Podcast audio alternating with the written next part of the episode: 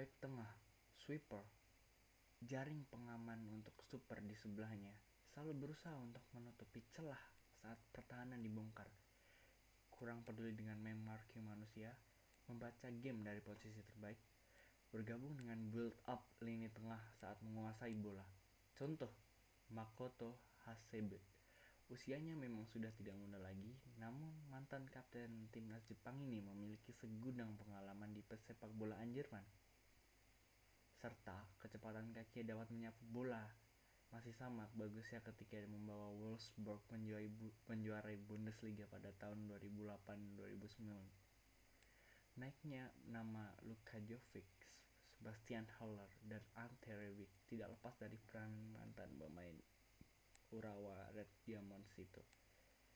Di lini belakang bersama David Abraham dan Ivan Endika musim lalu The Eagles berhasil menembus menembus babak semifinal Liga Eropa.